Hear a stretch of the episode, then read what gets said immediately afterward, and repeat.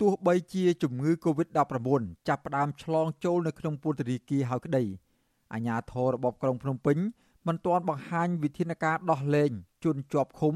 ដែលមានបទល្មើសកម្រិតស្រាលនិងជនជាប់ឃុំ ជាសកម្មជននយោបាយ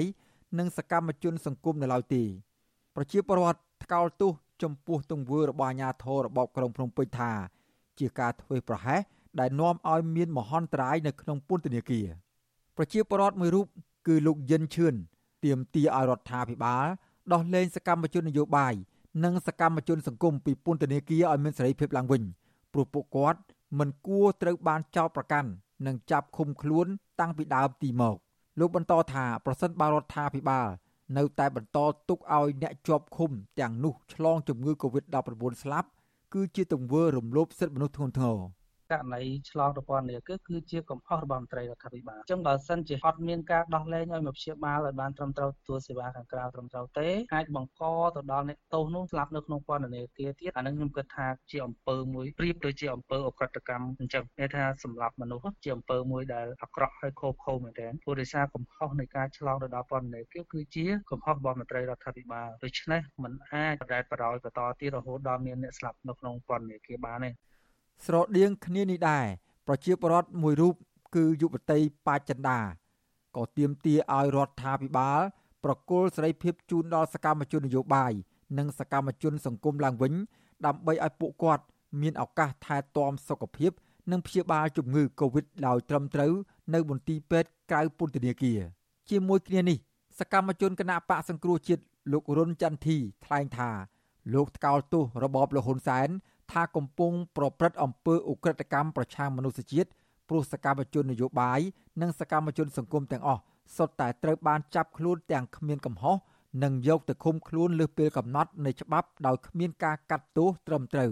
ហើយថែមទាំងទុកឲ្យពួកគាត់ មានគ្រោះថ្នាក់ដល់អាយុជីវិតនៅក្នុងពន្ធនាគារថែមទៀតអញ្ចឹងក្នុងដំណាក់កាលនេះហើយបើសិនជារដ្ឋអំណាចគ្មានវិធីសាស្ត្រឲ្យទុកតែចោលអញ្ចឹងមិនអើពើមិនខ្វាយខ្វល់ហ្នឹងគឺឲ្យច្បាស់ណាស់គឺជាអ ுக ្រិតកម្មឲ្យសម្លាប់មនុស្សដោយប្រយោលតាមរយៈការមិនអើពើមិនគំពីមិនខ្វល់ខ្វាយគឺថាយកទៅឲ្យស្លាប់តែម្ដងហ្នឹងគឺរដ្ឋាភិបាលគឺត្រូវតែមានទុកបាទគឺត្រូវតែមានទុកតែម្ដងបាទការបញ្ចេញប្រតិកម្មនេះគឺបន្ទាប់ពីជំងឺ Covid-19 កំពុងឆ្លងរាតត្បាតនៅក្នុងពន្ធនាគារចំនួន3ហើយ គឺពន្ធនាគារព្រៃសរផ្នែកបរោះម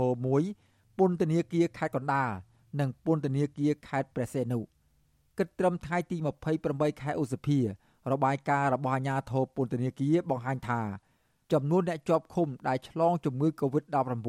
បានកើនដល់ប្រមាណ350នាក់ក្នុងនោះពន្ធនាគារព្រៃសរផ្នែកបរោះម1មានអ្នកជាប់ឃុំ18នាក់ពន្ធនាគារខេត្តកណ្ដាលមានអ្នកជាប់ឃុំ និងមន្ត្រីពន្ធនាគារជិត300នាក់និងពន្ធនាគារខេត្តព្រះសីហនុមានអ្នកជាប់ឃុំចំនួន34នាក់ទោះជាយ៉ាងណា អង្គការឃ្លាំមើលសិទ្ធិមនុស្សអន្តរជាតិ Human Rights Watch និងអង្គការលើកលែងទោសអន្តរជាតិ Amnesty International បានអះអាងនៅក្នុងសេចក្តីថ្លែងការណ៍រួមគ្នាកាលពីពេលថ្មីៗនេះថាពួកគេទទួលបានព័ត៌មានសម្ងាត់ថាមានអ្នកជាប់ឃុំនៅពន្ធនាគារពេស៊ីឬពន្ធនាគាររាជធានីភ្នំពេញរាប់រយនាក់ បានឆ្លងជំងឺ Covid-19 អង្គការទាំងពីរនេះចោទថាអាញាធរបានលាក់ព័ត៌មាននៃការឆ្លងជំងឺ Covid-19 នៅក្នុងពន្ធនាគារដោយបង្ហាញតួលេខអ្នកឆ្លងតិចតួចបំផុត ក្រៅពីនេះគ្រួសាររបស់សកម្មជនគណៈបកប្រឆាំងអះអាងថា សកម្មជននយោបាយមួយចំនួនក៏បានឆ្លងជំងឺ Covid-19 ដែររួមមានសកម្មជនគណៈបកសង្គ្រោះជាតិលោកតុននិមលនិងប្រធានគណៈបកផ្នែកឈ្នះលោកសួងសុភ័ណ្ឌ ប្រពន្ធកូនរបស់សកម្មជនគណៈបកប្រឆាំងដែលកំពុងជាប់ឃុំមួយចំនួន បានចាប់ផ្ដើមចេញតវ៉ាជាថ្មីនិងដាក់ញត្តិជូនស្ថានទូតសហរដ្ឋអាមេរិកនៅព្រឹកថ្ងៃទី28ខែឧសភាដោយស្នើសុំឲ្យជួយអន្តរាគមន៍ទៅរបបលោកហ៊ុនសែនដើម្បីដោះលែងសកម្មជននយោបាយនិងសកម្មជនសង្គមទាំងនោះជាបន្ទាន់រីឯប្រធានសមាគមគ្រូបង្រៀនកម្ពុជាឯករាជ្យនិងជាសហការីជិតស្និទ្ធរបស់លោករងឈុន គឺអ្នកស្រីអុកឆៃយាវីថ្លែងថា អ្នកស្រីកំពុងព្រួយបារម្ភយ៉ាងខ្លាំងអំពីសុខភាព និងសុវត្ថិភាពរបស់លោករងឈុនព្រោះអ្នកស្រីទើបទទួលដំណឹងថាគាត់កំពុងមានសុខភាពទ្រុឌទ្រោមនិងមានអាការៈឈឺបំពង់កធ្ងន់ធ្ងរ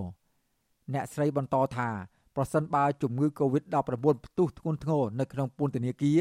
ហើយអាជ្ញាធរនៅតែមិនព្រមដោះលែងលោករងឈុននិងសកម្មជនផ្សេងទៀតគឺរដ្ឋាភិបាល ត្រូវតែទទួលខុសត្រូវចំពោះមុខច្បាប់បើសិនជាមានបញ្ហាកូវីដងន់ធ្ងររហូតដល់បាត់បង់អាយុជីវិតពលរដ្ឋដែលគាត់ជាប់ពន្ធនាគារគឺរដ្ឋាភិបាលត្រូវទទួលខុសត្រូវទាំងស្រុងចំពោះមុខច្បាប់ចំពោះមុខថាអន្តរជាតិចា៎ដូច្នេះគួរតែរដ្ឋាភិបាលគិតឡើងវិញថាមនុស្សដែលអត់មានកំហុសយកទៅទុកចោលយកទៅឃុំចោលរាល់ឆ្នាំ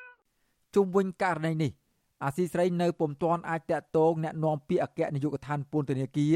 នៃក្រសួងមហាផ្ទៃលោកនុតសាវណ្ណានិងแนะនាំពាក្យក្រសួងយុទ្ធភ័ពលោកជិនម៉ាលីនដើម្បីសុំការឆ្លើយតបបានទេនៅថ្ងៃទី28ខែឧសភាដោយទូរស័ព្ទចូលពុំមានអ្នកទទួលប៉ុន្តែលោកនុតសាវណ្ណាធ្លាប់ប្រាប់អាស៊ីសេរីកាលពីថ្ងៃទី26ឧសភាថាស្ថានភាពការឆ្លងជំងឺ Covid-19 តាមពន្ធនាគារ មិនទាន់ដល់កម្រិតត្រូវស្នើសុំទៅខាងតុលាការឲ្យដោះលែងអ្នកជាប់ឃុំមួយចំនួនតាមការស្នើសុំរបស់អង្គការជាតិនិងអន្តរជាតិនោះទេហើយខាងរដ្ឋាភិបាលនិងពន្ធនាគារមានវិធានការបង្ការជំងឺ Covid-19 នៅតាមពន្ធនាគាររួចហើយប្រធានមជ្ឈមណ្ឌលប្រជាពលរដ្ឋដើម្បីអភិវឌ្ឍនិងសន្តិភាពលោកយងកំឯងមានប្រសាសន៍ថា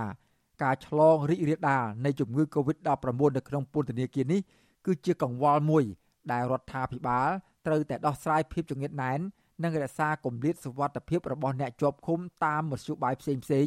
បើពុំនោះទេនឹងមានគ្រោះថ្នាក់ធ្ងន់ធ្ងរលោកយល់ថាការអនុញ្ញាតឲ្យអ្នកទោសងាយរងគ្រោះនិងអ្នកដែលជាប់ឃុំដោយសារបញ្ហានយោបាយនិងបញ្ហាសង្គមនៅក្រៅឃុំបណ្ដោះអាសន្នគឺជាជំរើសល្អមួយទោះបីពួកគាត់ជាអ្នកដែលជាប់ ពន្ធនាគារក៏ដោយក៏គាត់នៅតែមានសិទ្ធិដែលត្រូវតែគិតគូរជាចម្បងដែរបាទហើយសិទ្ធិសុខភាពសិទ្ធិរស់រានមានជីវិតរបស់គាត់ហ្នឹងគឺជាសិទ្ធិដែលសំខាន់ដែលត្រូវទូខុសត្រូវដោយរដ្ឋបាទចំពោះបញ្ហានេះខ្ញុំគិតថារដ្ឋាភិបាលត្រូវតែមានចំណាត់ការនៅក្នុងការដោះស្រាយភាពចង្អៀតណែនហើយនឹងការលេខទៅរកទីតាំងណាមួយឬក៏ដោះស្រាយជាបឋមនៅទីតាំងផ្សេងផ្សេងជាបដោះសន្នដើម្បីបញ្ជៀសការឆ្លងនៅក្នុងពន្ធនាគារដែលមានការរីករាលដាលខ្លាំងបាទរបាយការណ៍របស់អគ្គនាយកដ្ឋានពន្ធនាគារបង្ហាញថាចំនួនអ្នកជាប់ឃុំនៅក្នុងពន្ធនាគារនៅប្រទេសកម្ពុជា មានចំនួនជិត40000នាក់នេះជាចំនួនដ៏ច្រើនលើសលប់ព្រោះអង្គការជាតិនិងអន្តរជាតិប៉ាន់ប្រមាណថាពន្ធនាគារគួរតែអាចផ្ទុកមនុស្សបានត្រឹមចំនួនជាង26000នាក់ប៉ុណ្ណោះក្រុមអង្គការជាតិនិងអន្តរជាតិអំពាវនាវជារឿយៗឲ្យរដ្ឋាភិបាល ដោះលែងអ្នកជាប់ឃុំតាក់ទងនឹងបទល្មើសស្រាលស្រាលជាពិសេសអ្នកជាប់ឃុំជាស្ត្រីមានផ្ទៃពោះស្ត្រីមានកូនតូចនៅជាមួយអ្នកដែលអាជ្ញាធរចាប់យកមកឃុំខ្លួនដោយគ្មានមូលដ្ឋានច្បាប់ច្បាស់លាស់ដូចជាអ្នកនយោបាយនិងអ្នកត្រូវបានចាប់ខ្លួនដោយបង្ខំដើម្បីបន្សាបគ្រឿងញៀនជាដើមប៉ុន្តែសម្លេងអំពាវនាវទាំងនេះមិនត្រូវបានរបបលោកហ៊ុនសែនយកចិត្តទុកដាក់នោះទេប្រជាពលរដ្ឋមួយចំនួនលើកឡើងថា ប្រសិនបើគ្រោះមហន្តរាយកើតឡើងនៅក្នុងពន្ធនាគារពិតមែននោះរបបលោកហ៊ុនសែនមិនអាចគេចវេះពីការទទួលខុសត្រូវចំពោះទង្វើធ្វេសប្រហែសរបស់ខ្លួននោះបានឡើយខ្ញុំបាទសេកបណ្ឌិត អាស៊ីសេរីពីរដ្ឋធានី Washington